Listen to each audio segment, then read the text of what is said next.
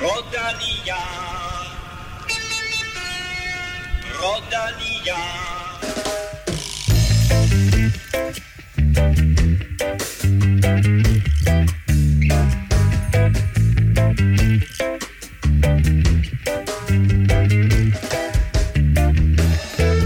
Den europæiske cykelsæson nærmer sig sin afslutning, men der resterer stadig et par store løb, inklusiv årets sidste monument, Lombardiet rundt. Og dermed velkommen til mine to monumenter, eller klenodier, Kim Plesner og Stefan Djurhus. Og monument, synes jeg. Øh, ja, du, er, du er mere et klenodie, men Stefan er et monument. Det var satans. Nå, det Kim. Kim, Kim, ja. Lad os komme i gang her. Ja. Jeg stiller et, et, spørgsmål, jeg har, eller bare en kommentar, som jeg har sagt ufattelig mange gange i år. Ja. Ikke en Europa-podcast uden en dansk sejr. Jeg tror næsten efter vi begyndte at sige det, så har der vel ikke været nogen, hvor der ikke har været en... Ah, der har måske enkelt været en enkelt, en enkelt uge. Men, øh, men hvis, hvis det er det, der kan få det til at, at blive danske sejre, så er det fair nok. Øh, Cecilie Utrup, hun vinder øh, Giro dell'Emilia for anden gang i karrieren. Gustav Wang vandt første etape af Tour of Istanbul, vinder det også samlet. Daniel Stampe, der er hans holdkammerat på Suri Karl Ras, han vinder også en etape. Styrter dog ud af løbet med et bræk kravben. Det er sådan en lille, en lille ærgerlig bismag på den. Og så havde vi jo Tobias Lund, øh, herr Andresen i, øh, i føretrøjen i øh, Kroatien rundt, Dog uden at vinde en etape. uden at vinde en etape, og han holdt heller ikke føretrøjen hele vejen til, øh, til enden af det løb. Og så i går havde vi jo Søren Krav, der lignede den gamle Søren Krav, og var meget, meget tæt på at vinde øh, Binche, Chimay Binche, eller Memorial Frank van den Brugge har det også heddet tidligere. Er det Jeg ved jeg faktisk ikke, om Ej, de det- må, må hedde mere. Jeg kender det. Det har heddet Binche i, mange, mange år, Ja. ja. synes jeg. Jamen det er derfor, Kim er klenodie. Han Ja, kan det, det, den det, slags. det, det, det, det, det, det, det, en ko- hvad er jeg det, de troede, det var noget der andet, på- der hed øh, noget med Frank van den Brugge. Der er, Nej, et det er Marco Pantani, er der også et memorial. Øh, løb. Marco. der, der er nogle af de der. Ja. Hvor er det, I to Det- det, det diskuterer vi helt uden til for, for podcastniveau. Og vores Kustode var det, jeg kom til at tænke på. det er noget Kustode, helt er andet. det, ja. at du er en slags uh, Europa-podcast kustode. Hvad, ja. hvad betyder det for... for monu- det ved monumenter ikke, hvad det betyder. Nej. Jamen, det er sådan en på et museum, er det ikke? Jo, det er sådan en der på går rundt museum, går rundt og, og passer og på siger, tingene. "Shh, Og, shh," ja, Nå. ja. hvis du kommer til at tale for højt. ja, Eller det er dig. Det er Ja. rigtigt. Det er Ja. dig. Og måske lige sådan med sådan en, en øh, lille klud eller kost lige børster en byste af-agtigt. Ja. Ja. Sådan er det. ja men, det, Men det, nok om uh, museumsnyt. Præcis. Øhm. Nu skal vi til noget helt andet nyt, nemlig shopnyt. Fordi, mm. Stefan, der sker jo ting og sager i vores shop. Ja, ja, ting og sager. Altså nu, øh, vi har jo øh, stadig All In på kus, så, så den har vi valgt øh, ikke at lave ting og sager med, men, øh, men den har været populær, øh, og vel nok den øh, en af de mest populære. Jeg tror, det er den næstbedst Næst- sælgende.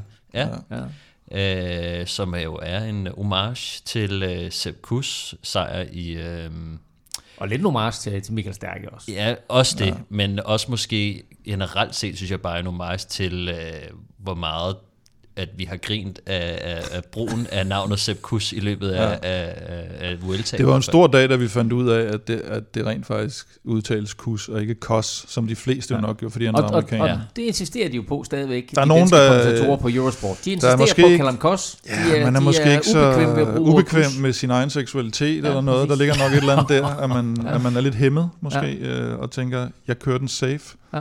Øhm, det skal jeg ikke kunne sige, hvad, der- hvad der ligger bagved der, men den, den skulle være god nok med kus. Mm-hmm. som man siger. Nå, hvis du skal have fat i uh, All In på Kus uh, t-shirten, så beholder vi den altså oktober måned ud, og du finder uh, t-shirten ind på shoppen, og shoppen den finder du på velropa.dk. Dagens udsendelse fokuserer naturligvis på Lombardiet rundt, men vi skal også omkring Paris Tour, hvor vi har haft flere danske vindere gennem tiden, men allerførst en øh, kæmpe tak til alle jer, der lytter med, og en gigantisk tak til alle 10 støtter i årsagen til, at vi kan blive ved med at udkomme, og det er fedt, når jeg er inde og tjekke hver uge og se, hvor mange nye, der hele tiden kommer til. Tak til alle, der har støttet gennem lang tid, og velkommen til Nikolaj, Henriette, Jensen, Morten, Kasper, Dennis, mere Nikolaj og, I shit you not, Jacques Anquetil. Okay, det er Okay. en uh, Jacques VIP. Anquetil har meldt sig på 10.dk. det er vildt nok. Ja. Det troede jeg ikke, vi ville opnå. Så øh, det er også lidt, det, det må være postun på en eller anden måde, ikke? Ham der mere Nikolaj, han, det er også et sjovt navn. Det er fordi, der var en Nikolaj, der okay. sagde mere Nikolaj. Ja, ikke? ja, Nå.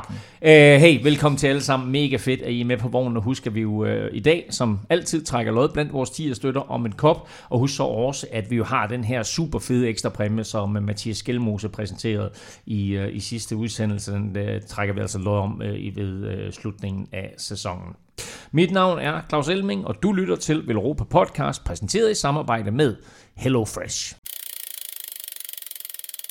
Men inden vi skal tale om de to store løb i den kommende weekend, så lad os tale om næste sommers store løb Tour de France, eller i hvert fald noget, der dufter lidt af det, for det er nu kommet, eller det er kommet frem, at Michael Mørkøv øh, skifter fra Quickstep og til Astana. Det er ikke helt bekræftet, men det er til gengæld bekræftet, at Mark Cavendish fortsætter karrieren, og det gør han hos selv samme Astana, og det er jo næppe tilfældigt, at de to bliver sådan lidt koblet sammen. Det, det må man formode, ja, det er rigtigt, at uh, Cavendish blev bekræftet her til, var det frokosttid uh, i dag, uh, onsdag er vi vel. Og uh, det ville være underligt, hvis, uh, hvis ikke Mørkøvs skifte, som jo er, det er bekræftet, at han skifter væk, men det er ikke bekræftet endnu, at han, at han skifter til, til Astana, hvor, hvor Cavendish jo så fortsætter og kan få den her Tour de France-rekord, som, uh, som han jo desværre ikke fik mulighed for at, at gå efter i år. Uh, det bliver vel formentlig øh, en af historiens øh, ældste lead-out sprinter duoer øh, til sammen 76 år, eller 78, 38 hver, 78 hver. øh, 38 år hver, men øh, så de skal køre den på rutinen, som man siger. Spændende. Uh, også at, at se den endelige rute, når den kommer frem. Og se, hvad jeg så, de planlægger om det, sådan at nu er de klar over, at han kommer. Ej, jeg, tror, etaperne bliver jo offentliggjort nu her om ikke så forfærdeligt længe, så de er jo selvfølgelig på plads. Det er jo ikke sådan noget med, at de lige pludselig lægger tre sprinteretapper ekstra ind. Men uh, bliver altså meget, meget interessant at se, hvordan ruterne ser ud, og det er meget også interessant at høre Kasper Kagårds vurdering af, hvad for nogen, der måske ligger Ja, til. de mangler jo i hvert fald øh, Champs-Élysées, ikke? Øh, så, øh, så den skal de jo have fundet en afløser til i hvert fald. Præcis. Altså jeg vil sige, at langt de fleste sprinter-etapper burde ligge godt til, til den duo der. Øh, formentlig, altså jo, jo lettere de bliver, øh, vil jeg sige, øh, jo, jo bedre øh, på mm. en eller anden måde. Men jeg tror faktisk hellere, at de vil køre nogle lidt mere, øh, alligevel, jo lettere og lettere, det, der mener jeg ikke så mange højdemeter, og ikke så meget øh, styrkebaseret øh, i, i tæt, på, tæt på målstregen, men, men måske gerne nogle tekniske øh, afgørelser endda, fordi at mm. øh, både Mørkøv og Cavendish er rigtig gode til positionskampen, så det bliver en, en rigtig farlig duo, og jeg synes også, det bliver rigtig spændende med Michael Mørkøv, som, som jo, kan man sige, selvom det ikke er helt bekræftet nu, så har den her historie øh, været, øh, været omkring cykelsporten i, i noget tid, og så er blevet, kan man sige, første del af den er blevet bekræftet med, med Cavendish. Michael Mørkøv øh, har jo ikke sagt, at han vil stoppe karrieren, øh, og øh, vi ved jo, at han gerne vil køre OL Paris øh, på banen øh, i næste, til næste år, øh, efter turen, øh, som er hans, kan man sige, formentlig vil være hans afslutningen på, øh, på hans karriere. Øh, så han er jo selvfølgelig interesseret i at køre et år mere, og øh, at tage et år med, med Cavendish øh, på Astana næste år. Øh, det vil være stort for ham, men det vil formentlig også gøre, at, øh, kan man sige, at han kan få den frihed øh, på Astana, som han også gerne vil have. Øh, så det, det, det kan blive rigtig stort for Michael også, som, som sammen med Cavendish skal gå hen og, og blive en del af den her historie. Vi øh, følger naturligvis udviklingen og øh, Michael Mørkøvs offentliggørelse af, når det nu sker, at han skal til Astana. Og øh, så skal vi naturligvis også lige have Michael med i, i podcasten og høre lidt om, øh, om hele den her historie og, og ikke mindst hans fremtidsplaner. Apropos fremtidsplaner, så øh, er det jo kommet frem, at der måske, måske ikke er planer om en fuldstændig vanvittig fusion. Jumbo Visma, Sodal Quickstep har tænkt sig at slå sig sammen øh, og, og lave et eller andet nyt hold. Og Kim, der er faktisk sket en del siden sidst. Ja, det, der drypper hele tiden lidt af den historie. Øh, jamen blandt andet så øh, Amazon, det her store amerikanske firma, hvis der er nogen, der har hørt om det. Øh, de vil, øh, jo, boghandleren. øh, de skulle efter sigende være villige til at spytte en, en 15 millioner euro i, i kassen. Øh, der har været sådan lidt øh, forskellige meldinger om, om det så er som en et del af et navnesponsorat, eller om det ikke er. Det er i hvert fald ikke hovednavnet på et sponsorat, skulle det ikke være. Øh, men det kunne godt være noget Jumbo, Amazon, eller Jeg så Jumbo også, at, Sudal, øh, Amazon, Jeg så også, at Richard Bluke, han mødtes med Tim Cook fra Microsoft. Eller fra men Apple, det gjorde undskyld. Rasmus Så- Brohave jo også, ikke? Ja, præcis. Så, så altså, det kan vi ikke får helt Rasmus. Brohave en, en kontrakt der, ikke? ja, det er ham, helt ham og. Remco. Den har vi ikke helt... Nå, øh, nej. øh, og så er det endelig offentliggjort, at øh, Primoz Roglic skifter ja. væk fra Jumbo Visma. Ja, og jeg tror, vi jokede jo lidt øh, i går på vores øh, interne tråd lidt, om de i virkeligheden har sat det her i værk, bare for at sige til, til Roglic, at, øh, at bruge det som øh, løftestang til at sige, at nu laver vi den her fusion, så nu kan du lige så godt, nu lige så godt skride, så, øh, fordi det har jo været øh, rygtet meget længe, at, at der, der nok ikke rigtig var plads til ham længere, specielt ikke efter det nummer, de laver i Vueltaen, hvor, hvor jeg tænkte, okay, nu, den har jeg i hvert fald. Mm. Og så vinder Sepp Kuss øh, skue i Vueltaen. Det tror jeg var sådan det sidste strå øh, i den der, ikke? Og øh, han har meldt officielt ud, at han forlader holdet. Øh, der ser ikke ud til at være nogen specielle øh, hard feelings der, og det tyder meget på, at han øh, skifter til Bor. Hans skrue er sådan det, der, der, der er kommet frem i hvert fald indtil videre, og også tager en træner med, nu kan jeg simpelthen ikke huske hans navn, men ham, som også har trænet øh, Wout van Aert igennem 12 år, tror jeg at han også skulle, øh, skulle følge med til bord.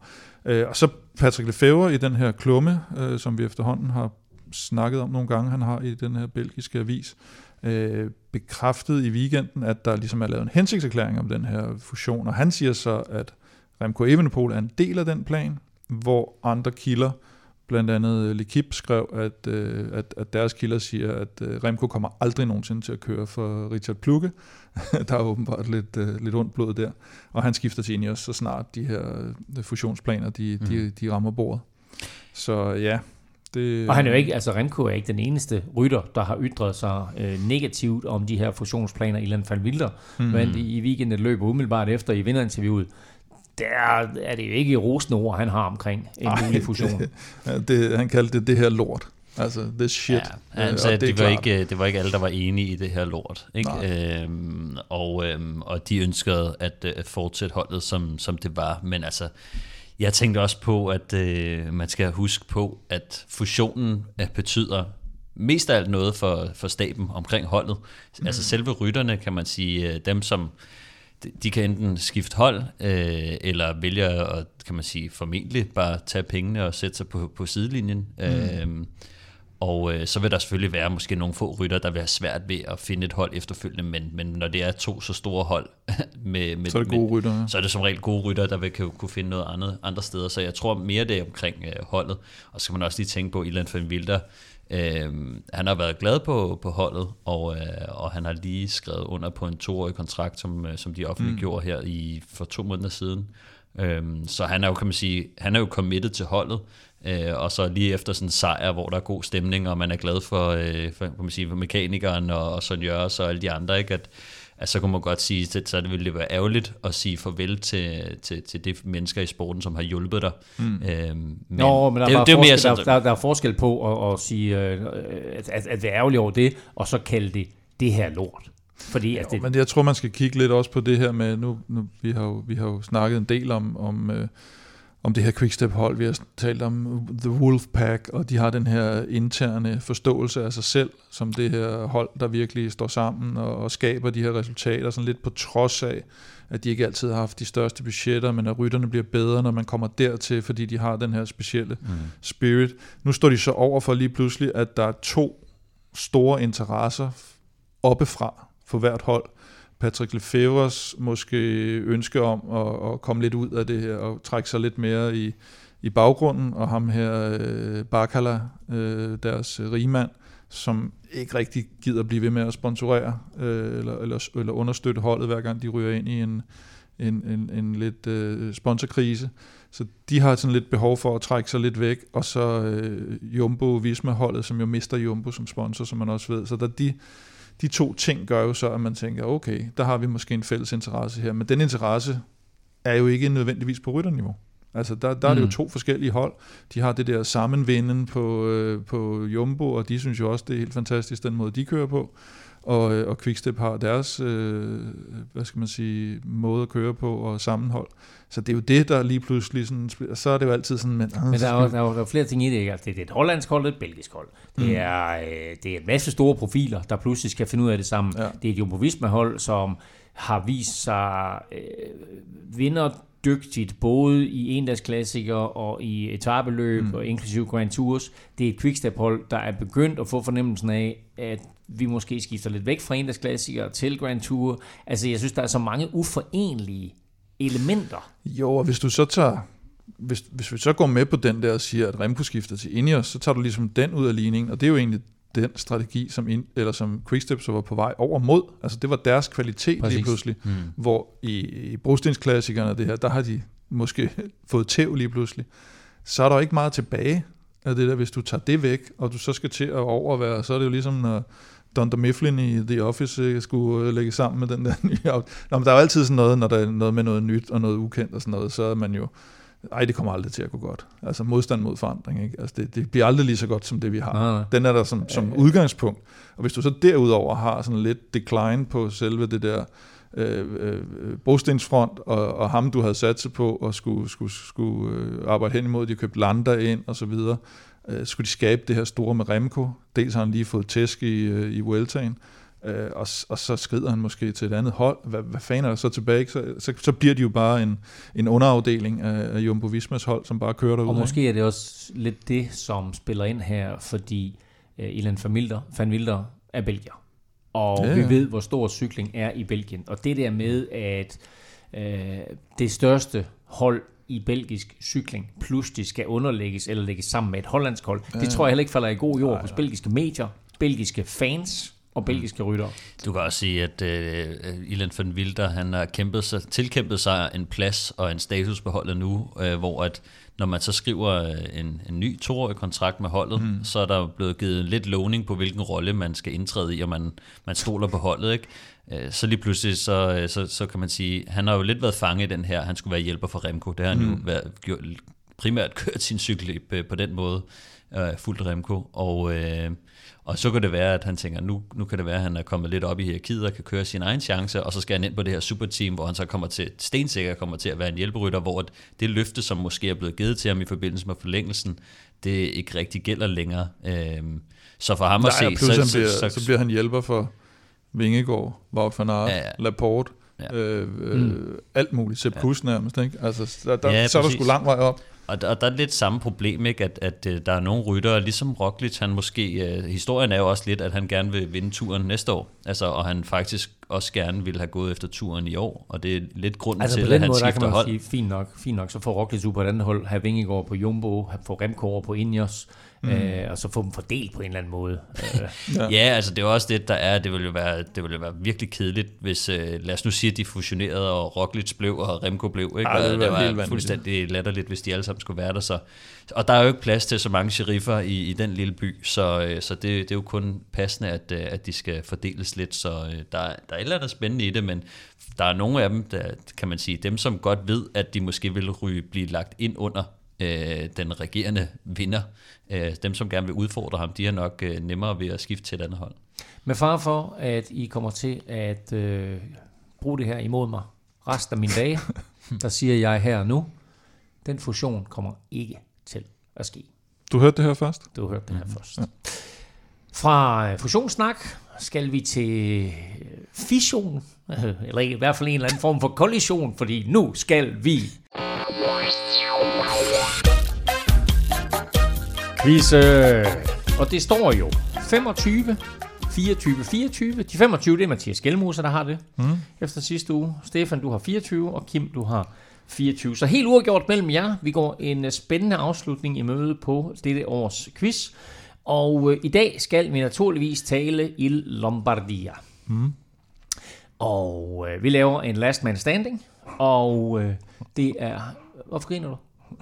jeg har bare slet ikke forberedt mig. Det er lige meget. Du, du er da så godt oh, inde i din uh, cykelhistorik. Det kommer hver gang. Det kommer hver ja, ja. gang. Oh, oh. Okay. Nå, men prøv at høre. Og for det jo, vi skal holde os inden for den tidsramme, sådan at Stefan er ligesom at stille opsat fra 1990 og frem efter. Mm. Og jeg skal enkelt, ganske enkelt bare bruge de nationer, der har vundet i Lombardia. Mm-hmm. Okay. Hold da op. Der må være Stefan, du har serveretten, det vender vi tilbage til øh, senere. Er spørgsmålet forstået? Ja. ja. Så, så har jeg kun én ting til jer to og dig, der sidder og lytter med. Lad nu være med at google. Og kan altså nu som 35-årig skrive sit, uh, sit andet monument på CV'et efter sidste års Liège Baston Liège. Vi kan ikke andet end at bare lette på hatten og kippe med fladet og det hele. Jakob Fuglsang vinder af Lombardiet rundt. Der fik I i hvert fald et svar til quizzen, fordi Nå. Jakob Fuglsang er jo en tidligere vinder Så af der er en til Schweiz Lombardiet der. Rundt. Oh, Årets øh, sidste monument hedder Lombardiet Rundt. Det køres lørdag fra Como til Bergamo, og traditionen tro med en perlerække af favoritter og outsider, der skal forsøge at øh, fravriste den dobbelte vinder og store favorit Tadej Pogacar sejr. Men øh, Stefan, Den havde jeg ikke med. Så lige ja, her. fik I, så fik I to. Så fik mm. I to. Nå. Øh, Stefan, Il Lombardia er jo et forholdsvis kort monument på kun 238 km. Ja, hvis man, hvis man synes, det er kort. Øh, så i godt forhold til de tre fire andre, ikke? Jo, der er så også lidt flere højdemeter på Lombardiet rundt, kan man sige, som, som jo gør, at øh, det stadig bliver et øh, rimelig hårdt øh, cykelløb. Øh, 235 km, øh, 4.400 højdemeter. Øh, sidste år var det over 250 km øh, dog, men, øh, men de, øh, de kører, de har skiftet lidt faktisk. De skifter jo mellem at køre fra Bergamo til Como og, og omvendt. I år kører de fra Como til, til Bergamo, øhm, og øh, så starter de faktisk med, den første stigning er Madonna di Gisalo, øh, som i år bliver sådan en form for mild opvarmning, og, og et sted, hvor udbruddet måske kører. Øh, før i tiden, der øh, nu det her, det, Gisalo kører de fra en nemmere side, end, øh, end de plejede. Jeg synes ellers lige, at jeg havde vendt mig til den her øh, finale, hvor Gisalo fra den stejle side, Muro og di Sormano Sormano, ja. kom bagefter.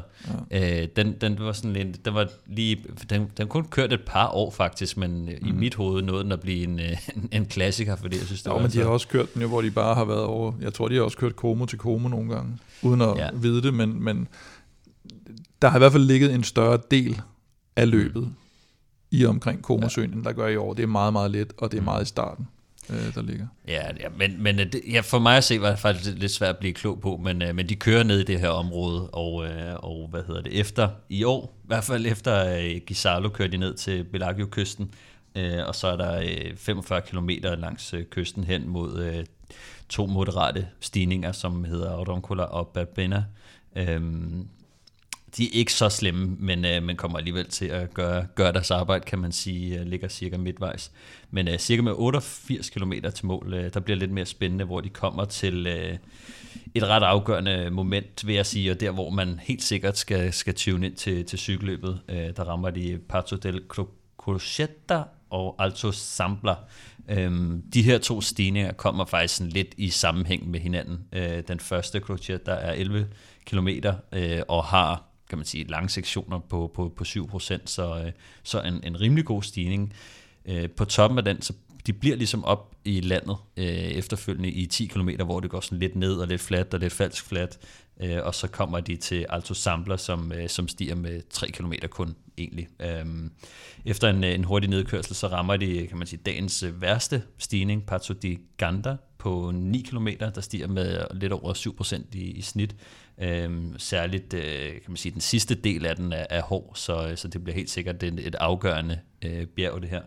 Øhm, og efterfølgende, så, øh, så går det sådan set nedad og lidt fladt ind mod mål, men, øh, men der er øh, en rigtig spændende detalje i finalen, øh, en 3-4 km før øh, mål, der rammer de sådan en... Øh, en lille rampe, der hedder Col Aperto, som, øh, som er 1,6 km lang øh, og stiger med 8%, men, øh, men der er også brosten på den, mm. øh, eller en, en, del af, en stor del af den faktisk, øh, så, øh, så det bliver kan man sige, et rigtig, rigtig spændende moment i, i finalen, øh, efter, når man kommer op på toppen af den her, så de sidste 3 km går mere eller mindre bare øh, sådan, ja, nedad mod mål, øh, så øh, det bliver sådan en, en spurt til toppen af den her, og hvad der så sker øh, fra toppen og hjem, det, øh, ja, jeg glæder, jeg kan lige se det for mig, at der er nogen, der prøver at angribe hen over den der, og der er noget taktik, og en, der prøver, altså sådan, der, der kommer til at ske et eller andet vildt i den her finale, tror jeg. At det, Det lyder, det lyder som en fed rute i hele taget, med, med masser af, af, indbyggede fede elementer i, mm. og, og også en rute, som på en eller anden måde, også på den afslutning, ligger lidt til Pogacar, så det er klart, at han jo er,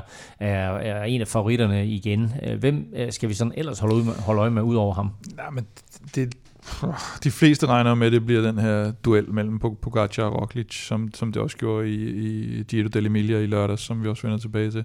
Øh, Remco Evenepoel øh, kommer efter al sandsynlighed også med, øh, og, og det bliver jo et comeback til et løb, som han jo havde det her forfærdelige styrt ud af, hvor han røg, røg ud over, over reglingen på den her bro, og, og som blev sådan lidt starten af en, en, øh, en mikronedtur for ham måske mere mentalt, at han ligesom skulle bygges op igen efter det her styrt. Øh, så spændende at se, om, øh, om han øh, kommer på. Det er ikke, han er ikke officielt udtaget endnu. Så har vi jo Ilan van Wilder, som vi har talt om, som, som lige pludselig vinder et løb her og også øh, lægger godt til, så, så vi må se. Men, men de to slovener, det, øh, det er nok, hvad skal man sige, storfavoritterne. Nu nævner du selv lige uh, Giro dell'Emilia, og der er jo kørt de her tre små italienske løb i, i den her uge. Kan vi udlede noget ud af dem? Lad os lige tage dem i rækkefølge. Uh, Giro ja, dell'Emilia altså, først. Jo, man, jeg synes jo, det man kan bruge dem til, er jo netop det her med, at man, der, der, der tegner sig lige pludselig sådan nogle billeder, når man ser de her, sådan, så okay, nå, han er også meget god, og han sad med fremme de her to steder.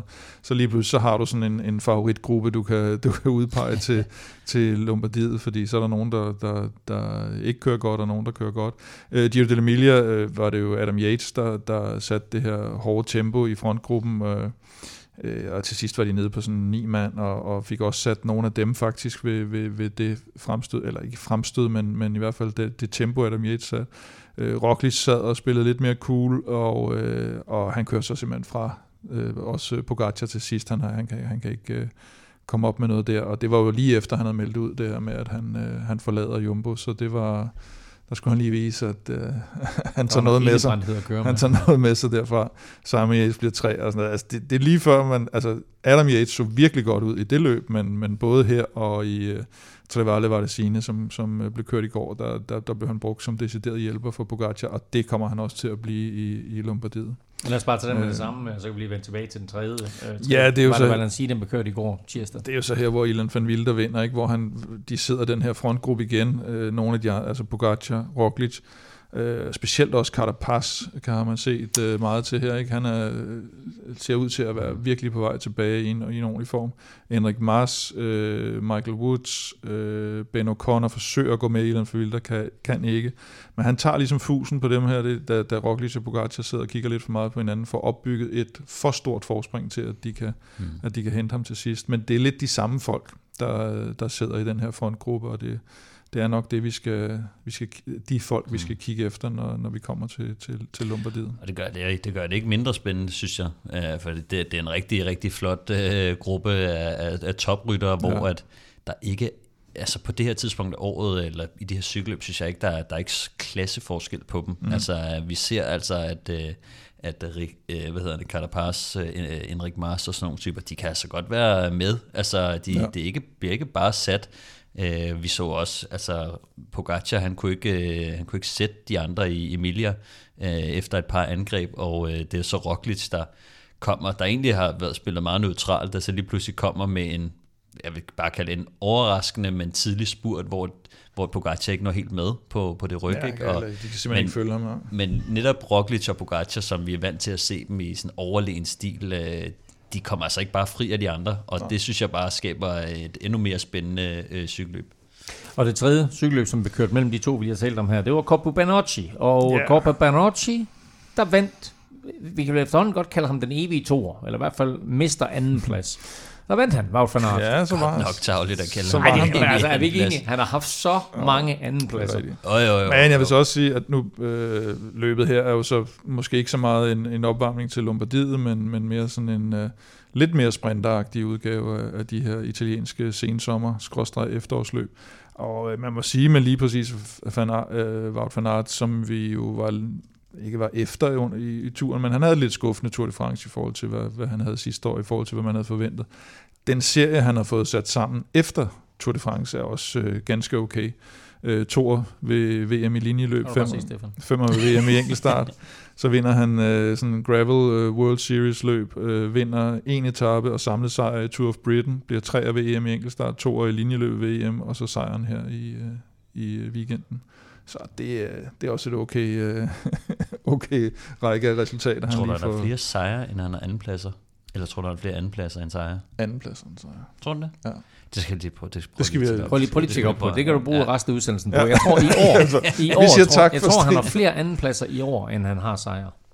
I karrieren eller noget? Nej, i år. Nej, okay. Ja, ja okay. Ja, det tjekker jeg på. Ja. Øhm, Lad os komme tilbage til, øh, til Lombardiet rundt, fordi der bliver nævnt en masse navne her, som mm. vi jo selvfølgelig også kommer til at se i øh, Lombardiet rundt. Hvem af de her outsider øh, kan drille nogle af de store? Altså, Carapaz er nok den, der springer mest i øjnene, synes jeg, den måde, han har kørt på. Han har sådan været sådan lige ved, og man kan se, at han er sådan lige på trapperne til at lave et, øh, et godt resultat, og man, man kan sige, at nu, nu er det så ved at være sidste udkald. Han havde det her styrtet ud af turen, og, og, øh, og derfor så er han kommet lidt bagefter, kan man sige. Så spørgsmålet er, om han løber tør for tid, eller om han lige når at få en, en stor sejr med her. Henrik Mars øh, så rigtig godt ud i, i også i Emilia. Thibaut Pinot kører jo lige pludselig sit øh, sidste løb, Ja, jeg tror, det er sidste løb i karrieren. være, ja. Uh, han kunne godt tænke sig at, øh, og, øh, at vinde igen dernede, men øh, ja, den bliver svær, ikke? Øh, så har de til gengæld måske... De Vandt her, i 2018, ikke? Thibaut Pinot. 2018. Ja. Øh, måske øh, Lenny Martinez kommer med, ham vores lille welterhelt. Ciccone så faktisk også godt ud i Emilia, men så styrtede han i øh, Trevalle Vardesine her i går, og øh, er tvivlsom til Lombardiet. Har ikke brækket noget, men øh, på grund af, af mængden af skader, han har fået, så, så bliver han betragtet som tvivlsom. Øh, Simon Yates, øh, altid farlig, kørt godt i turen. Det var der, jeg havde ham. Mm. Øh, som podie, alle Yates er på podiet hele tiden. og øh, bliver træer i Emilia, og kun overgået af de her, øh, de her Roglic og Pogacar. Mm. Og så Roman Bardet, kaptajn for øh, DSM Firmenich, der i mandags udtog deres hold. Og så faktisk skal du til at spørge mig om danskere, og der kan man sige, at for ikke så længe siden, der udtog de faktisk Mikkel Honoré til et meget, meget stærkt EF-hold, som både har Chavez, de har Caicedo, de har Uran, de har Ben Healy til at bakke mm. øh, Carapaz op. Det er altså et rigtig, rigtig stærkt hold, vil jeg sige. Så øh, Mikkel Honoré er bekræftet. Hvilke andre danskere kan vi se frem til at, øh, at nyde i vores tv på lørdag? Øh, Jeg håber jo lidt fuglsang, men øh, han står ikke rigtig på... Eller det er jo det er meget, meget få, der der står Der kommer på... nogle meldinger fra ham, gør der ikke det, at, som, som indikerer, at han skal køre? Jo, altså det, det vil være naturligt i hvert fald. Øh, men ellers så er det faktisk kun øh, Andreas Kron og øh, Frederik Vandal, der også står på den forløbige startliste. Øh, Hvordan, også- hvordan ligger den her rute til, til sådan en som Andreas Kron? Jeg tror faktisk, med det, han har vist i år, øh, så tror jeg, det, det, det, så tror jeg faktisk godt, han kan være med. Altså, jeg er lidt ja. I tvivl om, hvis, øh, hvis nu, at øh, UAE øh, går frem og, og sætter det her dræbende tempo, eller at der er et hold, der decideret går ind og siger, nu giver vi den en over øh, nakken ja. hen over, øh, hvad hedder det, de her stigninger kommer ofte sådan i, i kan man sige, i, i rap jo, ikke? Og så hvis der, er, hvis der er et hold, der virkelig splitter det hele ad, så tror jeg godt, han kan få det svært, men, men han, jeg tror ikke, han bliver sat så meget, at han ikke kan komme tilbage igen i, i cykelløbet, mm. fordi de stigninger, vi ser i Lombardiet rundt, øh, de er faktisk ikke så slemme. Altså øh, nede i Como-området her, altså det er jo... Øh, det er jo, kan man sige, de kan godt være lidt lange, men de er jo ikke særlig øh, stejle, de stigninger, altså som jeg, som jeg lige nævnte før også, ikke? vi kommer op på noget 7% og sådan noget, men mm. det, er, ikke- det er ikke sådan rigtigt noget, hvor at det kommer op i, i de skyhøje procenter, øh, hvor at bjergrytteren sådan for alvor har en fordel. Ikke i gennemsnit i hvert fald. Der kommer jo altid de her ramper, der det er lidt er kendt for dernede også. Men det er mm. faktisk mere over ved Komosøen, og ikke så meget de her øh, finalestiger. Der kommer, der kommer noget, mm. øh, noget 15 procent, øh, der kan, godt kan gøre lidt næstinger. Men, men, øh, men han skal selvfølgelig nok ud, og han skal på forkant. Altså han skal jo ikke sidde sammen med mm. Pogacar og Roglic, og, og så bare køre, køre fra dem til sidst efter 200 km. Den, den tror jeg heller ikke så meget på. Han skal ud og opsøge noget. De har måske også ham her Lennart van Eetfeldt med, som også øh, er Mm. rigtig, rigtig stærk i sådan noget terræn. Men han er i hvert fald en, der får chancen, hvor, øh, hvor Frederik Vandal helt sikkert skal køre, hvis han kommer med, skal køre for, øh, for øh, Vlasov formentlig, som, også har set, øh, som faktisk også har set okay ud i de her italienske løb. Og vandt jo spurten om tredjepladsen i øh, Vardesine, tror jeg. En af dem, som jeg øh, også tænker, som øh, ikke er, overhovedet ikke er en del af favoritterne, men Alaphilippe øh, har vi nærmest glemt eksisterer jo. Mm. Øh, jeg er ikke sikker på, at han skal køre Lombardiet øh, endnu i hvert fald, netop fordi vi ikke har øh, startlisten.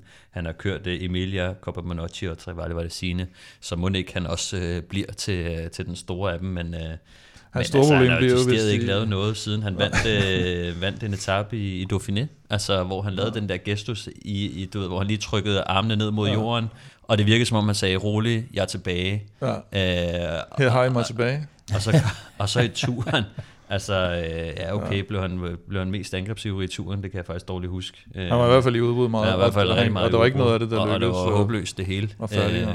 Men jeg vil også sige, hvis, hvis de både tager Remco og Ilan van Wilder med, så skal han også stå tidligt op, hvis det er ham, der får chancen på, øh, på quickstep Ja, ja. ikke? Jeg skal bruge et øh, hurtigt bud på en vinder fra de her. Årets sidste monument, Il Lombardia. Kim, hvem vinder? Ja, men der er jo... der er to, jeg gerne vil sige, men jeg siger den ene, og så kan Stefan få lov at sige den anden. Ad, at du lige spiller, at du lige smider Kom så, den hvem, på hvem, mig. hvem siger du? Øh, Pogacar, siger jeg så. Så Se om han kan lave hat Ja, ja, Carapaz. Øh, Var det ham, du siger siger? Nej, men det er, det er hvis, man ikke, hvis man ikke skal sige, altså, så kan man sige Roglic selvfølgelig, men Jeg, jeg, jeg tror, tager Roglic så. ja, så får du Roglic. Nå. Nå, hvad og du? Carapaz?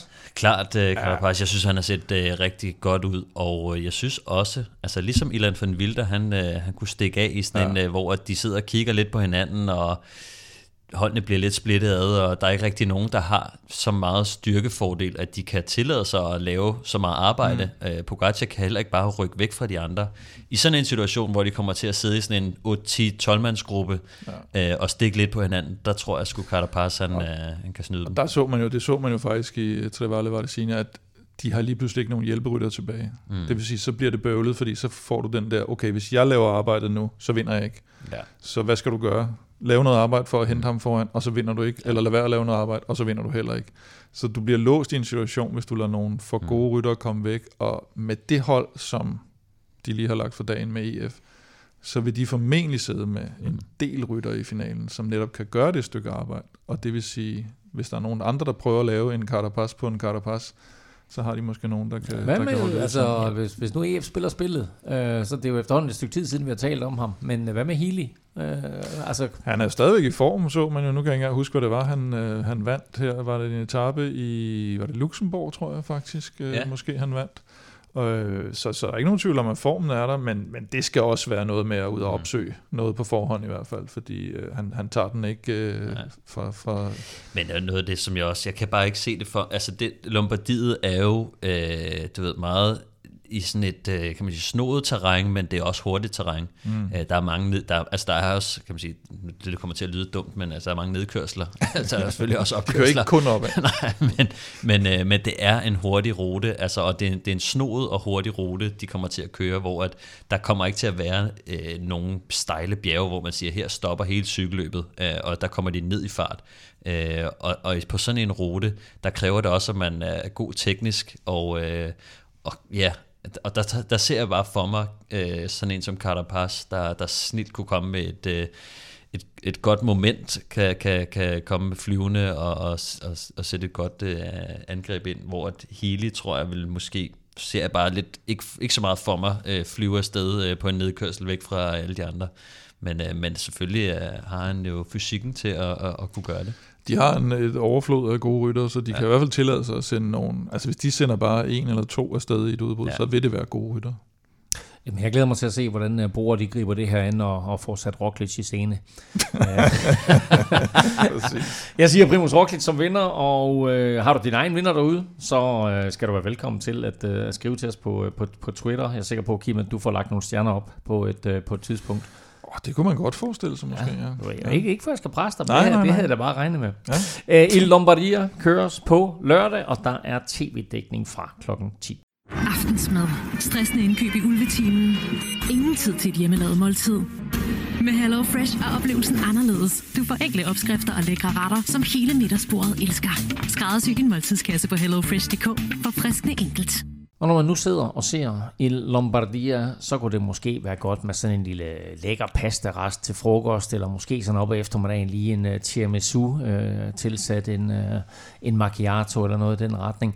Uh, og jeg er ikke sikker på, at macchiato er noget, man kan få med uh, Hello Fresh. Men Hello Fresh tilbyder både pasta-retter, og de har også nogle uh, desserter, som man kan købe af og til. Og nu kan du faktisk prøve Hello Fresh med en rabat på 1.153 kroner på dine første fem måltidskasser. Det er altså over en hel måned, hvor du kan spare over 1.100 kroner. Hello Fresh er sund og varieret kost, masser af forskellige opskrifter og muligheder, og du kan altså nu prøve det med den her rabat, og det kan du, hvis du går ind på hellofresh.dk-velropa. Og øh, Stefan, jeg ved, at, noget af det, vi har talt om, det er det her med, at man har sådan rimelig godt styr på madbudgettet.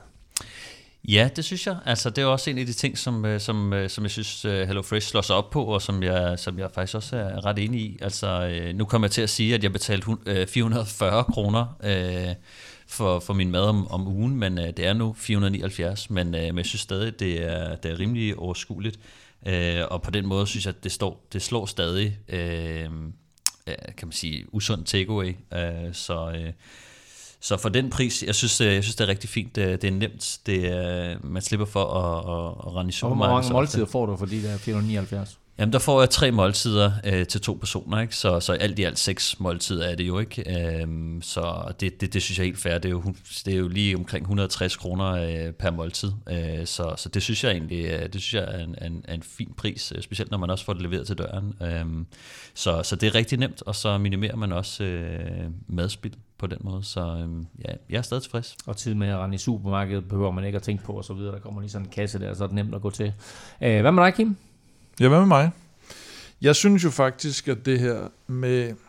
Nu har jeg, jeg har jo en tendens til at falde øh, en del i, overraskende nok, surprise, surprise, i, øh, i takeaway-gryden, når, når ikke jeg får... Øh, hvis jeg har en uge uden, øh, uden øh, hvad hedder det, Hello Fresh. Og øh, jeg synes også det der med, at man står og får lavet noget mad, og man nogle gange måske er mere end en, der gør det, og det er, lidt, det, er sgu lidt federe at, at ligesom have lavet Mm. et eller andet sammen. Ikke? Jeg laver det mange gange med Emil, hvor han så lige hakker grøntsagerne, og så steger jeg lidt et eller andet. Mixer vi det sammen, og sidder man og spiser, og tænker, det bliver sgu da meget godt det der, ikke? og øh, Mm. det smager da meget godt, og hvad kunne man ellers, øh, skulle der lige have været noget bacon i til en anden gang, eller et eller andet. Ikke? Mm. Det, det, det giver sgu sådan lidt, øh, lidt hygge, halløj, i stedet for øh, ja, at, at få leveret en, øh, en grillkylling. Der er også noget af det der med, at man ligesom har råvarerne. Altså, ja. Du, kan, du ved ligesom, hvad der er i, fordi du har, du har stået med den der øh, gulerod, og, og selv måske mm. Lige skrællet den, eller revet den og puttet det i maden, ikke? Altså, Faktisk også det der med, hvis man så nogle gange lige tænker, oh, kan man lige se, hvad der er i en af de andre poser? Det ved jeg ikke, om jeg har gjort. Altså, hvor man sådan lige mixer lidt selv en gang Jamen, jeg imellem. har nogle gange, jeg har nogle gange samlet lidt poser og lavet Ja. sådan lidt større Og så måltider. siger man, og det kan sgu godt være, der lige er lidt chili-drøs over i Ja. den der, fordi den kunne den godt lige bruge den her. Ikke? Hvor i en så- galepose? Ja, ja. Ja, bare Nå.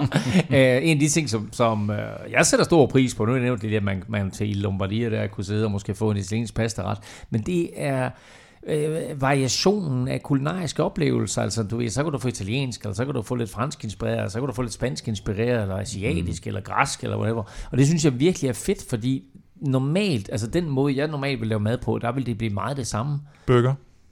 Ja, det er jo så, synd, det er, det er jo så søndagsretten, kan man sige.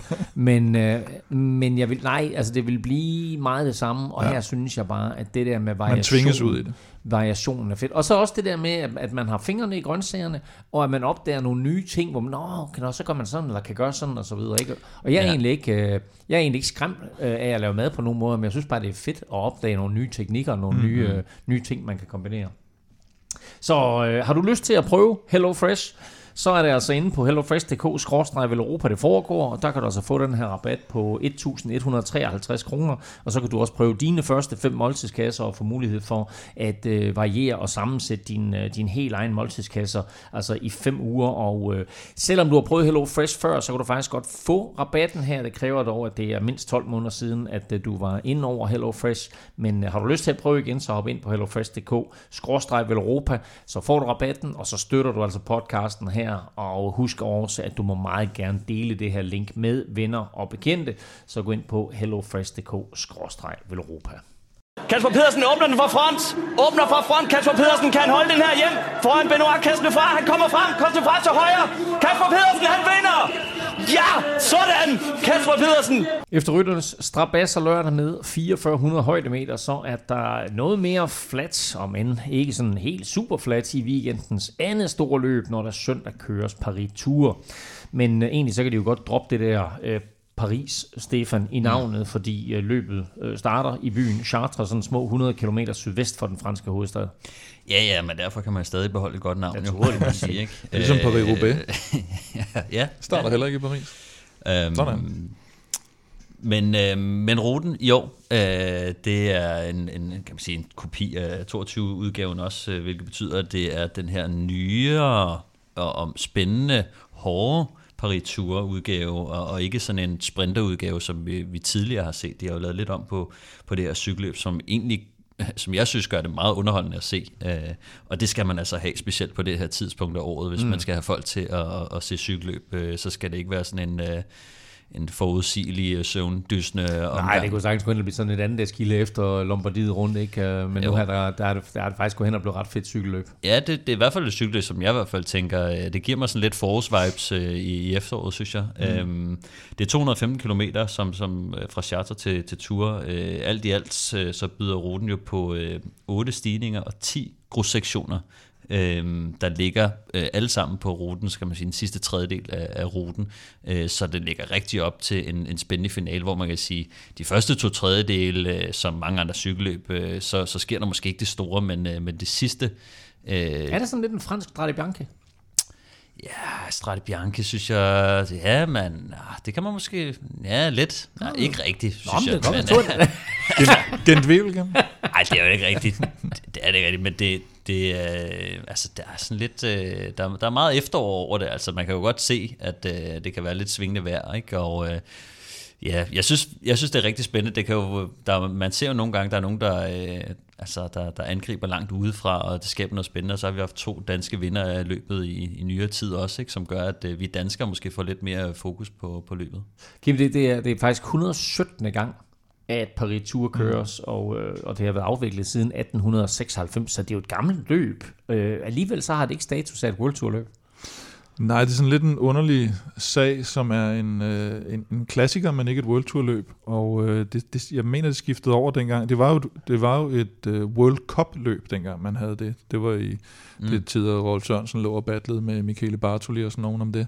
Øh, der var det jo en, en, en del af World Cup, og så lige pludselig så overgik vi fra det her World Cup til Pro Tour til World Tour, og i den fase, så, så røg det simpelthen ud som... Øh, ligesom øh, kørende ikke øh, altså, er et, øh, altså et, et, et newsblad er, at World Tour løb, men kørende er ikke. Så der er nogle af de her klassiske løb, som lige pludselig ikke hører med til den, men det bliver jo betragtet som netop en klassiker, som, som på niveau med, med, med noget World Tour, og jeg tror specielt det her, den omskiftelighed, det også har haft i ruten, som Stefan lidt var inde på. Tidligere var det sprinternes klassiker, nu er det blevet mere det her med grusvejene og lidt stigninger også, og sådan noget Mm. lidt mere varieret løb. Det er stadigvæk nogle hurtige folk, der som, som regel går hen og, og, og vinder, men det har, det har klædt løbet at gøre det. Så jeg ved ikke, om det på et tidspunkt kommer tilbage i, i folden, men der kan også ligge nogle økonomiske årsager for arrangørerne, at man ikke vil være World Tour løb, der ligger sikkert nogle større krav til økonomien der, Mm. men, øh, men det er Du- helt klart et klassisk løb. Du var, du var lidt inde på det, øh, Stefan. En, øh, en, en, en fed rute, men hvad er nøglen til at vinde i Paris Tour?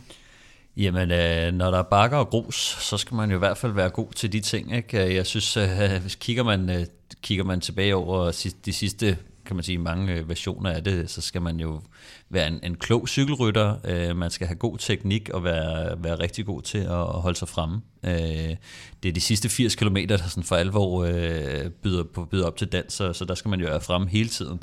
Øh, og... Øh, Ja, altså man skal kunne, øh, man skal have lidt mere øh, tyngde på, tror jeg, for at være god på, på gruset, men samtidig også øh, være let nok til at komme hurtigt hen over de der stigninger, ikke? Så øh, ja, så, så synes jeg bare, på det her tidspunkt af året, så er det lidt forskelligt, hvordan, øh, hvordan, ens, hvordan formen ligesom er hos folk. Øh, der kan være nogle overraskelser, som for eksempel da Jelle Valais, han, øh, han kørte øh, lidt over 50 km udefra og endte med at, at holde hjem, øh, fordi han var så god form, ikke? Og, og der er nogen, der måske ikke øh, har motivationen og, og formen øh, intakt øh, så sent på, på året, men, øh, men generelt set, så er det de her, øh, de her folk, der, der måske også har en hurtig afslutning. Nu har Arno Demare vundet de sidste to år, men ikke nogen dans på roser. Altså det er ikke sådan noget, som at øh, de har styret løbet stensikkert hjem øh, og, og kørt en spurt øh, til for Arno Demare.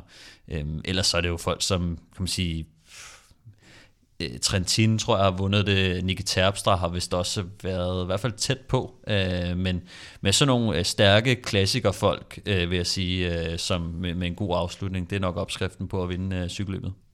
Øh, Arno Demar, som du lige nævner, som øh, har vundet de sidste to år, han er, han er med igen. Øh, hvilke andre øh, sådan store favoritter har vi, Kim? Men jeg- ja, det er meget, som har vundet. Han vandt jo Tour de Vendée her i weekenden, øh, som jo også var øh, Sagans sidste løb, sluttede med en 9. plads. Mm. Det er meget, han skiftede jo her midt i sæsonen fra Frances Deschamps til, til Arkea, og, øh, og han, er, han er nok den, den største favorit, vil jeg sige. Men der er også lige ham her, en anden Arnaud Deli, som har vist øh, rigtig, rigtig god form her på det seneste. Og øh, han vandt Og han jo, er så god, det lige. Så han kun behøver at bruge han behøver et kun ben. et ben. Han behøver Ja. kun et ben. Ja, det var sindssygt. Ja, men de kommer fra, han vinder den her Ardennes Classic, og, øh, og det er meget, han vinder den uh, Tour de Vendée, og, og det lige, han, uh, han hopper ud af, af pedalen der lige, da han er, er ved at køre en ret suveræn sejr hjem. Den er så suveræn, at, at selvom foden ryger ud af pedalen, så træder han med et ben, og så holder han simpelthen uh, hele vejen ind over målstregen. Det var, det var ret fedt at se, og så stadigvæk, øh, hvad hedder det, startlisten er jo ikke komplet. Øh, Van der Poel skulle have kørt øh, Paris-Tour, men han besluttede for en, for en uges tid siden, at øh, sæsonen den skulle slutte lidt tidligere, end han havde. Til stor glæde for alle andre. Ja, til stor glæde for alle andre i det løb. Øh, Caden Groves øh, har også lidt, øh, er der blevet meldt noget ankomst på. Han øh, kan, kan, kan også være god. Og så ham her, Luca Musato, som... Øh, som vandt i går i, øh, i Binche, øh, der slog øh, Søren Krav på, på målstregen, og øh, Hugo Page måske, hvis man skal nævne sådan lidt en... Hugo? En, Hugo, ja, øh, fra Intermarché, øh, har også kørt virkelig godt, og Edward Tøns, som bliver to i... Øh, og Støjvind, som jo vinder, hvad er det, EM i gravel, var det det, han vandt, tror jeg. Øh, og Edward Yes. Tøns, de, øh, de, de, bliver, de bliver også lidt, lidt spændende at holde øje med. Så det er de her holdbare, hurtige folk. Altså det, det er det. Du skal kunne lidt mere end bare øh, at være sprinter. Du skal være øh, Og lidt, du, lidt et bæst. ikke? øh, du, du, vi har jo vi har før haft, øh, haft danske ryttere, øh, der har vundet som, øh, som er øh, forskellige typer af ryttere, men nogle øh, holdbare, nogle med, en- med en rigtig god sprint. Hvem er, hvem er det, vi har haft, øh, Kim? For vi har faktisk haft ikke færre end hvad?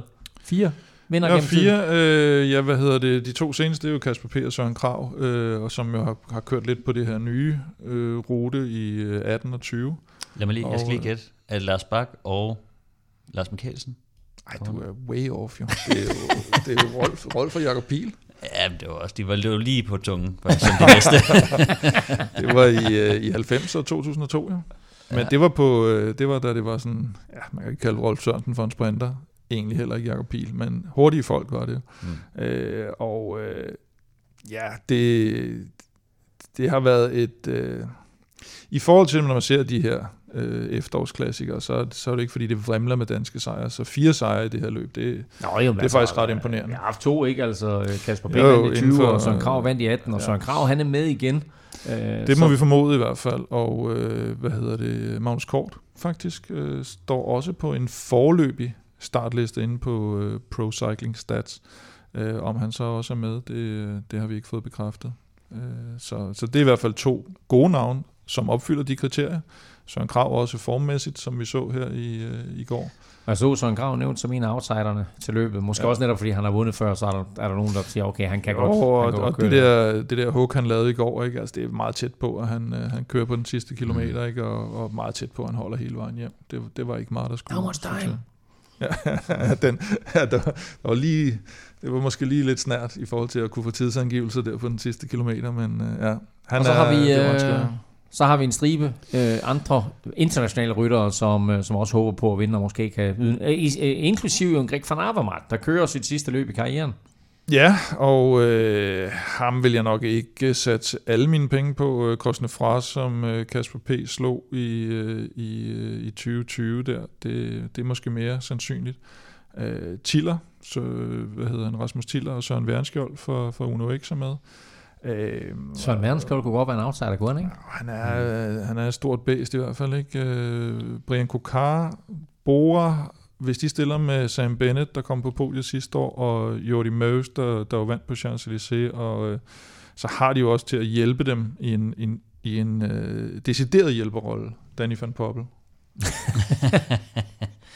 øh, og så, jamen, så tror jeg snart, så er der EM-vinderen øh, Christophe Laporte. Øh, Som jo kommer i sin fine nye EM, tror jeg. ham, øh, ja, og ham så vi faktisk. Jeg tror også, det var i går, han kørte i den. Øh, og Trentin, som, som Stefan er på, og Tøns og Støjven fra Lidl.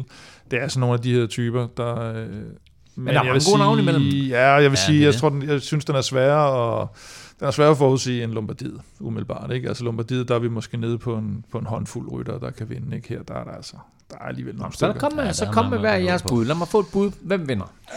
Så, så start, skal vi tage hver vores så nu? Stefan får lov til at starte den her gang. Ej. øhm, Jeg har et klart bud, og, jeg, og den fjerner jeg lige for jer, og den, han hedder Caden Groves. Så, så gik til ham. okay, okay. Nå. Jeg, øhm, jeg har sgu et godt øje til, øh, til noget Uno X, må jeg indrømme. Nå. Øh, Værenskjold, Tiller, Tobias Johansen øh, er umiddelbart dem, der, der står på listen. Det, det tror jeg sgu, jeg holder mig til, faktisk. Jeg tror, jeg, jeg ville ellers have sagt... Øh, ej, Dylan van Barle, hvis jeg skal nævne en rytter. øh, så, Det var da øh, alligevel... øh, Jeg troede, du tager Laporte, ham har du også øje Nej, men jeg tror, det der... Altså Laporte, som jo er i sindssygt god form, øh, og, burde, og selvfølgelig er en af favoritterne, og sagtens kan vinde løbet, når du har fået sådan en øh, trikot på, øh, så er du meget synlig, og øh, alle Plus- ved, at du skal sætte dig på hjul af ham. Ja. Så han skal med smadre hele feltet øh, sønder og sammen, øh, hvis han skal vinde det her cykelløb, fordi alle kommer til at være på nakken af ham.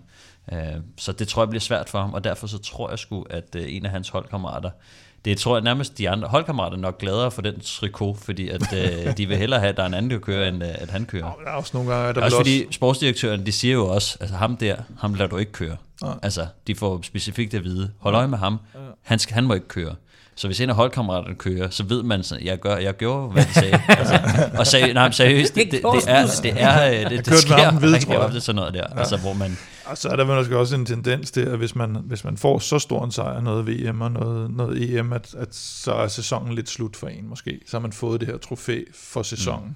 Så det var det. Det, at det må det fungere på på Jumbo. Nej, det kan godt være. De tager det hele. Det kan godt De være. det Men det kan godt være, at det ikke bliver ham. Men ja. hvis jeg skal sige en, så tager jeg Arno Deli. Øh, det, må, det må jeg gøre. Med Så- et eller to ben. Ah, Jeg jeg tror, tror, to det meste tror af vejen. faktisk, han bruger to ja, det meste vejen, men øh, det, det vil være mit øh, Paris bedste Tour bud. køres på søndag, og der er tv-dækning fra klokken 15.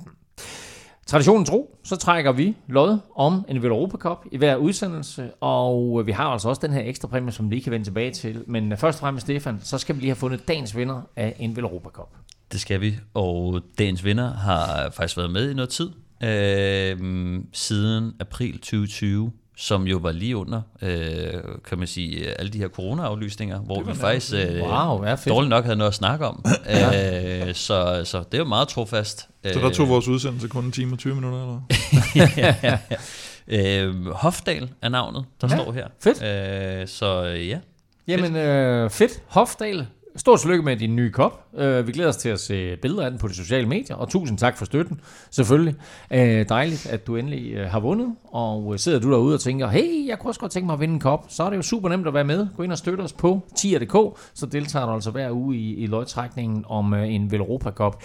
Eller, Stefan, man kan jo også vinde den her vanvittige fede præmie, som Mathias Gjelmose kom med, som jeg ved, at du måske støtter tier.dk, Ja. for, bare for at få mulighed for Jamen, jeg gad godt have, jeg gad godt have sådan en. Øh, vi, bruger, vi har jo samme cykelhandler, øh, og der hænger en, øh, der hænger en trikot i, i loftet dernede, hver gang jeg kommer ned.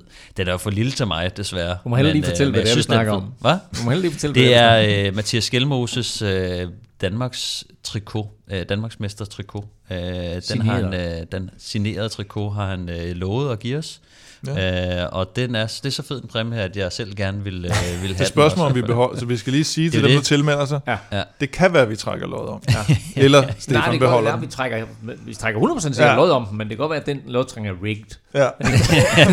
Big S- surprise. nu. S. Stefan. Stefan, Djurhus har været, har støttet siden i forgårs. Kunne du tænke dig at vinde øh, en signeret udgave af Mathias Skelmoses øh, DM-trikot eller en Velropa Cup, så hop ind på tier.dk og støt os og husk, at øh, for hver femmer du donerer, der får du altså et lod i puljen, så jo større beløb, jo flere lodder, og dermed så større chance for at vinde. Du kan finde øh, link både på velropa.dk og på tier.dk. Mange tak for støtten til alle, og kæmpe tillykke i den her omgang til Hofdal. Og inden vi øh, runder af, øh, der kan vi lige runde de største nyheder fra den forgangne uge. Og jeg vil sige, der er både gode nyheder og dårlige nyheder set på danske øjne. Og så er der også breaking. Breaking news. Kæmpe, stor, gul bjælke. Vi Ja. var omkring det i toppen af udsendelsen, og nu er det officielt. Vi har ikke nogen øh, breaking øh, breaker. Kan du ikke lave sådan en breaking Kan du, lyd, lave, Stefan? kan du lave en lyd med noget breaking? Åh, ja. Nej. Nå, Øh, lad os få det nyheden. Lad os få, lad os få nyheden, Kim. Jamen, øh, vi, har, vi talte jo om det tidligere, at nu var Mark Cavendish øh, bekræftet hos Astana, og så vupti vupti, så kom øh, Michael Mørkøvs bekræftelse også. Det, Der- der, det, der, har vi den, der- der har vi den. Vupti Vupti, vupti. Det er vupti Det vupti er- breaker. det- Hvad hedder det? øh, det var påfaldende, at de lige blev offentliggjort lige efter hinanden. Det kunne man jo godt have haft en, en lumsk mistanke om, at det ville ske. Nu er det sket. Ja, det er sådan og, med, med øh, en fire timers mellemrum, de to ja. nyheder, de kommer. Øh, så øh, det har der nok været nogen, der har siddet og, og nøje planlagt. Så nu kommer den her 76-årige duo Sådan. til at køre næste år. Jeg kan lige Øh, sige, at uh, Astana er kommet med en uh, pressemeddelelse, og der udtaler uh, Alexander Venukorov, uh, Michael is a true professional, and we know him as one of the best lead-out riders in the modern peloton. His experience and his race vision are priceless, and this kind of rider is exactly what our team needs build uh, that our team needs building up the sprint group. Jamen, de er fra Kazakhstan. Ja, kan du Det er ikke engelsk, der er... Ja, det, Michael is a true professional. and we know him as one of the best riders in the peloton. No. Um, I hope Michael could be one of the keys in creating a strong group which will be able to chase something important in the next season. Able to chase something important Ja. in the next season. Ja, man Sagt med andre ord, vi skal have rekorden til Ja. ja. Mark Cavendish. Han skal have en Astana-trøje på, og han skal hyldes i Tour de France for sejr nummer 35 og overgå legenden Eddie Merckx. Something important. Chase something important in the next season. Vide, Sådan. Det kan være. Præcis. Helt officielt altså. Både Cavendish og Michael Mørkøv til Astana. Nå, to andre danske nyheder. Øh, gode danske nyheder. To øh, holdforlængelser. Kontraktforlængelser. Ja, Norsgaard og Vandal. Mathias øh, Norsgaard fortsætter hos øh, Movistar, og Frederik Vandal hos Bora. Øh, Vandal var jo sådan lidt en sjov historie der, da han, han fik jo en treårig kontrakt, hans første kontrakt med Bora, og man tænkte sådan lidt, okay, Som 18-årig. Ja, Ja. ja, det, det var alligevel voldsomt for sådan en, der var relativt ukendt egentlig. Øh, og man frygtede ja, måske lidt, at øh, der er kunne ukendt gå... på den måde, at øh, kan man sige, han, han var jo rigtig god øh, på juniorscenen, kan man sige, mm. men, men det, er jo ikke, det er ikke så mange øh, cykelfans, der følger med på den danske juniorscene. Mm. Øhm, men ikke så altså, han har vundet Tour rigtig meget og vundet på banen, og altså, så han var jo sådan en, han var jo et stort talent, men for et World Tour hold at gå ud og give en treårig ja. kontrakt til en, en, der har været god på juniorscenen, ja. det er stadig et stort sats, og gjorde jo også, at han, kan man sige, lige hopper over øh, mangens øh, øjne, kan man sige, ikke? Mm. hvor der er ikke så mange, der ligesom ved, at, øh, hvem- der er rigtig gode juniorryttere, men, øh, Han har sgu gjort det meget godt. men han det havde lykkedes for ham, og toårig kontrakt øh, Ja. ja. nu her også, ikke? Det, er- det er kæmpestort, at han faktisk, øh, med det han har leveret, synes jeg, øh, at, øh, at altså, han, han, øh, han har Han blev sig sat tilbage af en, en lidt længerevarende skade selvfølgelig ja. her for, for nylig, kan man måske ikke sige, men, men, men når han har været kampdygtig, så, øh, så har han sgu mm. gjort det godt for, øh, for, for Bor. Og nu skal han så Og- køre for, for Roglic, jo. ja, præcis. Øh, Og apropos skade, Stefan, så kom det vel lidt som et chok for os alle sammen, at Jakob, Jakob Hinskavl stopper mm. karrieren. Øh, ja, altså øh, han har jo haft øh, en skade øh, eller noget galt med sit, øh, sit venstre ben i, i, i lang tid, og, øh, og det har jo, kan man sige, sat ham tilbage, eller holdt ham tilbage fra, fra at yde sit bedste, og øh, det har jo også gjort, at han langsomt, kan man sige, øh, som, som det her stortalent, han, han jo var, at han jo øh, glidet øh, langsomt ud af vores... Øh, kan man sige, vores, ud fra vores retter, øh, og, og, og det, det er ikke blevet så meget bedre, så, så det er desværre en, en sørgelig nyhed, som, som betyder, at han, øh, han er nået til det punkt, hvor han hellere vil stoppe, end at, end at fortsætte øh, kampen har været meget frustrerende for ham, det her, ikke rigtig at kunne finde ud af, øh, hvad der var galt. Øh, og selvfølgelig super ærgerligt, når man er så talentfuld, som han er, at der er et eller andet, som bare ikke fungerer i kroppen. Det har du faktisk selv prøvet, øh, Stefan, ikke med, med de skader, du har været igennem. Øh, men han udtalte efterfølgende, at det var ligesom om, at der var faldet en sten fra brystet, øh, da han endelig meldte ud, at nu stopper han altså karrieren. Så på den måde, der er det måske også rart for ham at at, at få en afklaring øh, på det hele, og så må vi se om, om pause er det, der skal til, og han måske på et senere tidspunkt genoptager karrieren. Vi, vi har jo set det før også. Altså øh, faktisk øh, Anton Charmik øh, gjorde, altså han stoppede ikke på grund af en skade, men, øh, men på grund af noget man manglende lyst. Vi har også set, øh, Lennart Kemna har også stoppet for en kort periode, kommet tilbage igen. Øhm, Mark Cavendish. Ja, nej, det, det, det er set før. Altså, Hinskavlen er 23 år, ikke? Jeg tror, at øh, der er noget træthed i forhold til det her med, at man bliver ved med at rende til læger og bliver ved med at have ondt. Mm. Øh, nogle gange så, øh, så er det bedst at trække stikket, og så kan det være, at øh, man om et år øh, ikke har ondt længere, og man ikke har trænet så meget, men man måske finder, finder lysten igen. Øh. Det, det er der i hvert fald tid til øh, for, for ham. Og så havde vi jo Mathias Skelmose med i studiet i sidste uge, hvor han offentliggjorde det her med, at øh, han gerne vil øh, donere en øh, signeret øh, D, øh, DM-trikot øh, til podcasten her om vores 10 støtter. Og øh, sådan en har han naturligvis, fordi han vandt det danske mesterskab. Men udover det, så topper han altså en ret vild liste her i 2023. ja, altså, det kan man sige, flest øh, top 10 i, øh, i pro-level eller højere, kan man sige, øh, hvad hedder det, øh, cykelløb. Så, øh, så ja, altså han har 37 top 10 placeringer i, øh, i professionelt cykelløb, øh, som er den, det fleste af alle. Uh, nummer to er holdkammeraten uh, Mads Pedersen med 36, og Remco Evenepoel, han, uh, han har også 36. Men prøv at det er jo helt vildt. At jo. Mathias er den rytter i verden i år, der har flest top 10 placeringer. Ja. Jo, men også det, at vi har tre danskere. Indtil i dag i hvert fald havde vi jo øh, på første og del anden og del tredje plads. Nu er Olof Køjs lige gået forbi øh, Vingegaard på, øh, på, på den delte tredje plads, mm. så, han, så han har, eller fjerde plads må det jo være, ja. når de er to på, på anden plads.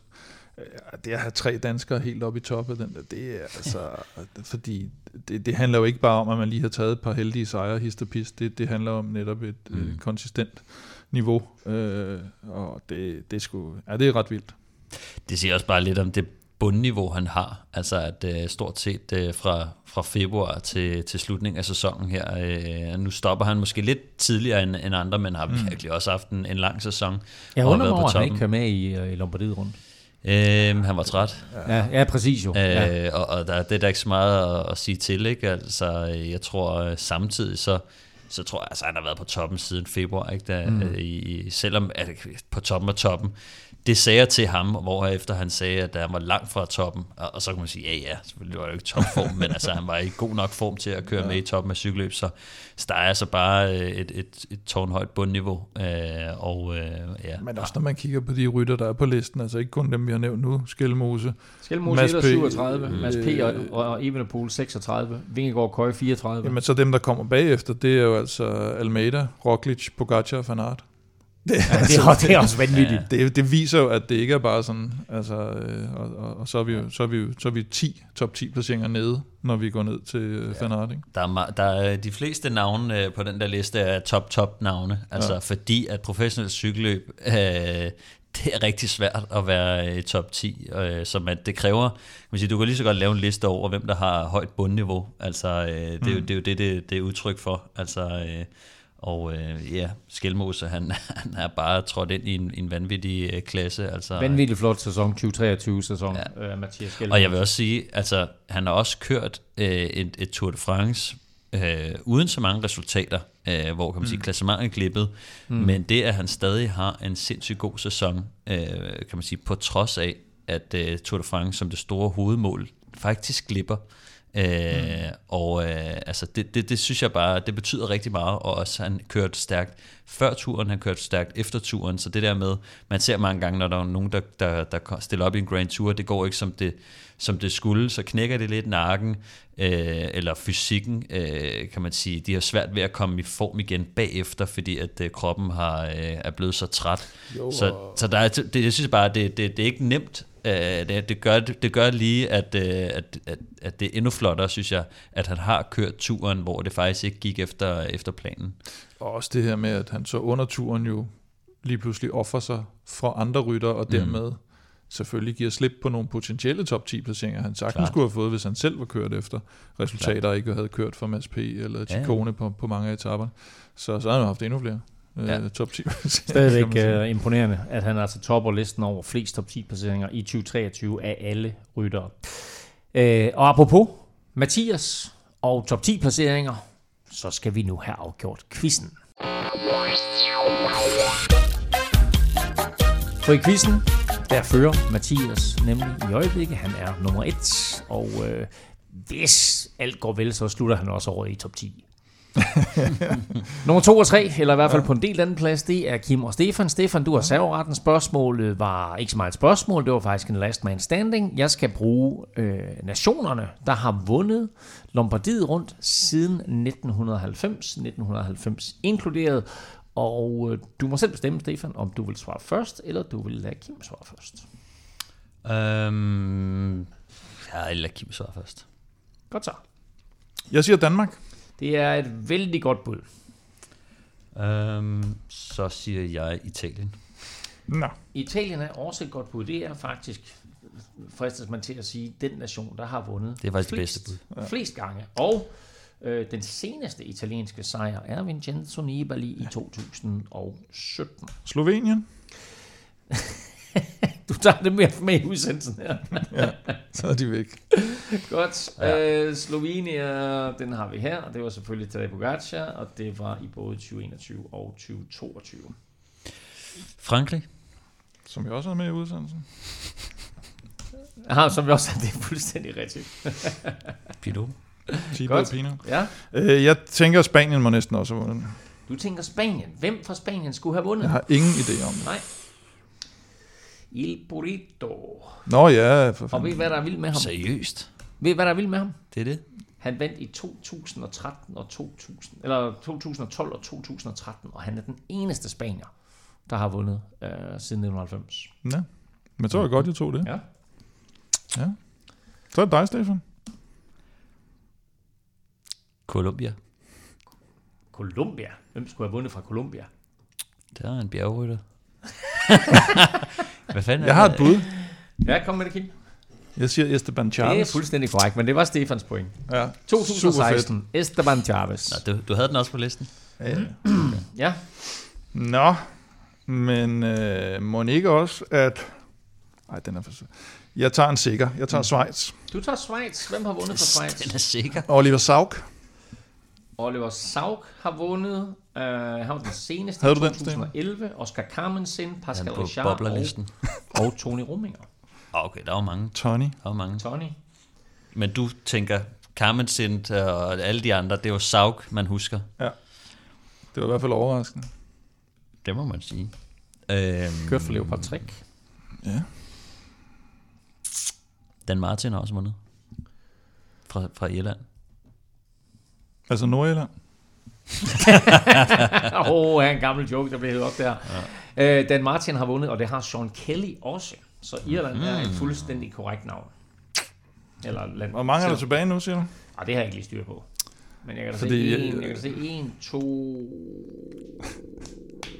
tre, fire, fire må der være. Altså, nu kommer jeg i problemer, fordi nu bliver jeg nødt til at tage sådan en, der burde være obvious. Nej, ved du hvad? Jeg tager sgu Storbritannien. De må have vundet. Hvem fra Storbritannien skulle have vundet? Jeg ved det ikke. En Yates-brødre. Froome? Yates? Jeg, tror, jeg er ikke sikker.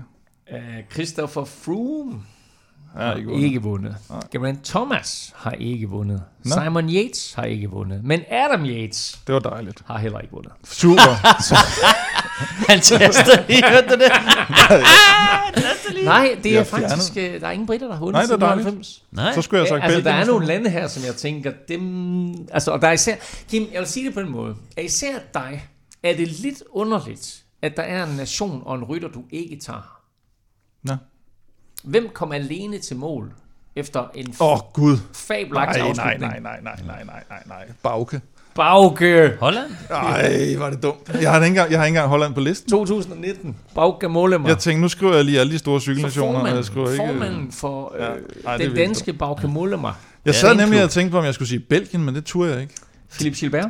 Nej, det er selvfølgelig rigtigt. Det havde været min næste. Ja. Øh, Jamen, så er det fair nok, jeg tager Så. Belgien øh, manglede i, Holland manglede i... Australien? Øh, nej, øh, Nej. Litauen i år 2000. Ja, okay. Raimondas Rumsas. Ja, men den tæller jo ikke. Uh, Og så kommer der en her. Ej, du, du ved, I ved ikke, hvem det er. Giv anden rytter fra Rusland? Yevgeni Bersin, Nej. Vladislav Bobrik. Bobrik. Aldrig hørt om før. Nej, nej. Jeg havde heller ikke regnet med, at du havde hørt om. Nej. Nej, det var lidt... Nej, det er fair nok, jeg tager på den, når ikke jeg kunne uh, bagke. Dermed- ved jeg Det er lidt, ikke. Stefan øh, ryger det er lidt på, ikke? øh. Dermed Stefan du op på 25 point, sammen med Mathias Kim Det er Amager, der fortsat på fører. 24 point. øh, Ja. Men uh, Kim, du kan glæde dig over, at du Sådan er øh, det. overtager serveretten. Det er det vigtigste. Vi er tilbage. Jeg mener faktisk, det allerede er på tirsdag. Der er vi med opfølgning på weekendens løb. Indtil da, der kan du følge Kim på øh, og Velropa på Facebook, X og Instagram på Snablag Velropa. Husk også, at Kim jo altså som lovet, eller nærmere tvunget til, kommer med sine stjerner her øh, i løbet der er nogen, der husker mig på det, så- Til Lombardiet rundt. Stefan finder du på X og Instagram på Snablag Stefan Djurhus, og undertegnet finder du på X, Insta og Facebook på Snablag NF Elming. Husk også månedens t-shirt all in på kus på shopvelropa.dk, og ved du ikke, hvad du skal lytte til nu, må jeg så anbefale NFL-showet, hvor Thomas Kortrup og undertegnet tirsdag kiggede tilbage på en vild fjerde spilleuge i årets NFL-sæson. Havde I noget om Giants? Vi havde en hel del om Giants, så jeg vil også lige anbefale, at man måske hopper ind på gulklud.dk og læser mit momentometer, fordi der er Giants i skammekrogen. Sådan, så kan det kun Nå. gå fremad. Til gengæld er Eagles, Stefan, vil du glæde dig over nummer to på mit momentometer. Kun? Og fortsat ubesejret jo 4-0 ja, ja. i indeværende sæson. Nå, tak til vores partner Hello Fresh. Tak til alle vores støtter på tier.dk. Uden jer, ingen vil Europa podcast. Og med det... Arrivederci. Arrivederci. Arrivederci. Arrivederci. Arrivederci.